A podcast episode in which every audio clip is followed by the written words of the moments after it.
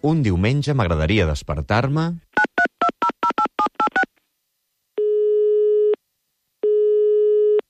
Tatiana, bon dia, com estàs, guape?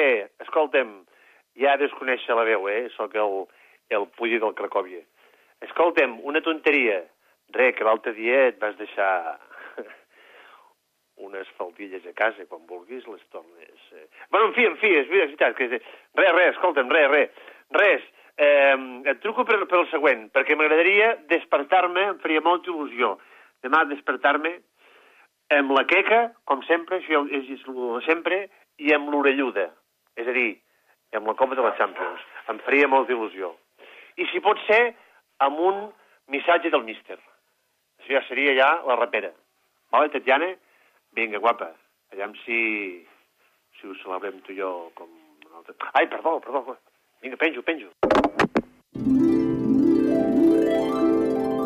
Gespa acaben de saltar els jugadors. Messi amb la copa liderant aquesta baixada de les escales. Leo Messi ara que es posa per fer-se la fotografia perquè quedi constància de que han tornat controlem l'eufòria perquè encara ens pot caure la copa durant la rua i això seria molt i molt, molt, i molt tràgic. Uh, no cantem victòria perquè la rua és molt i molt llarga i s'ha d'anar carrer a carrer, plaça a plaça, mercat per mercat, ho hem d'anar recorrent tot però mesura, amb cautela, a poc a poc.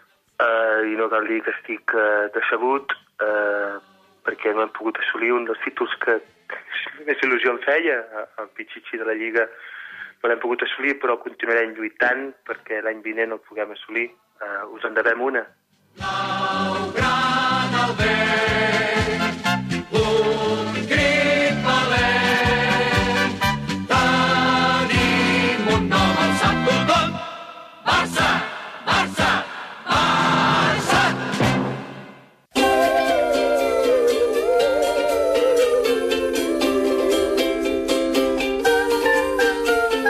I a tu, com t'agradaria despertar-te un diumenge?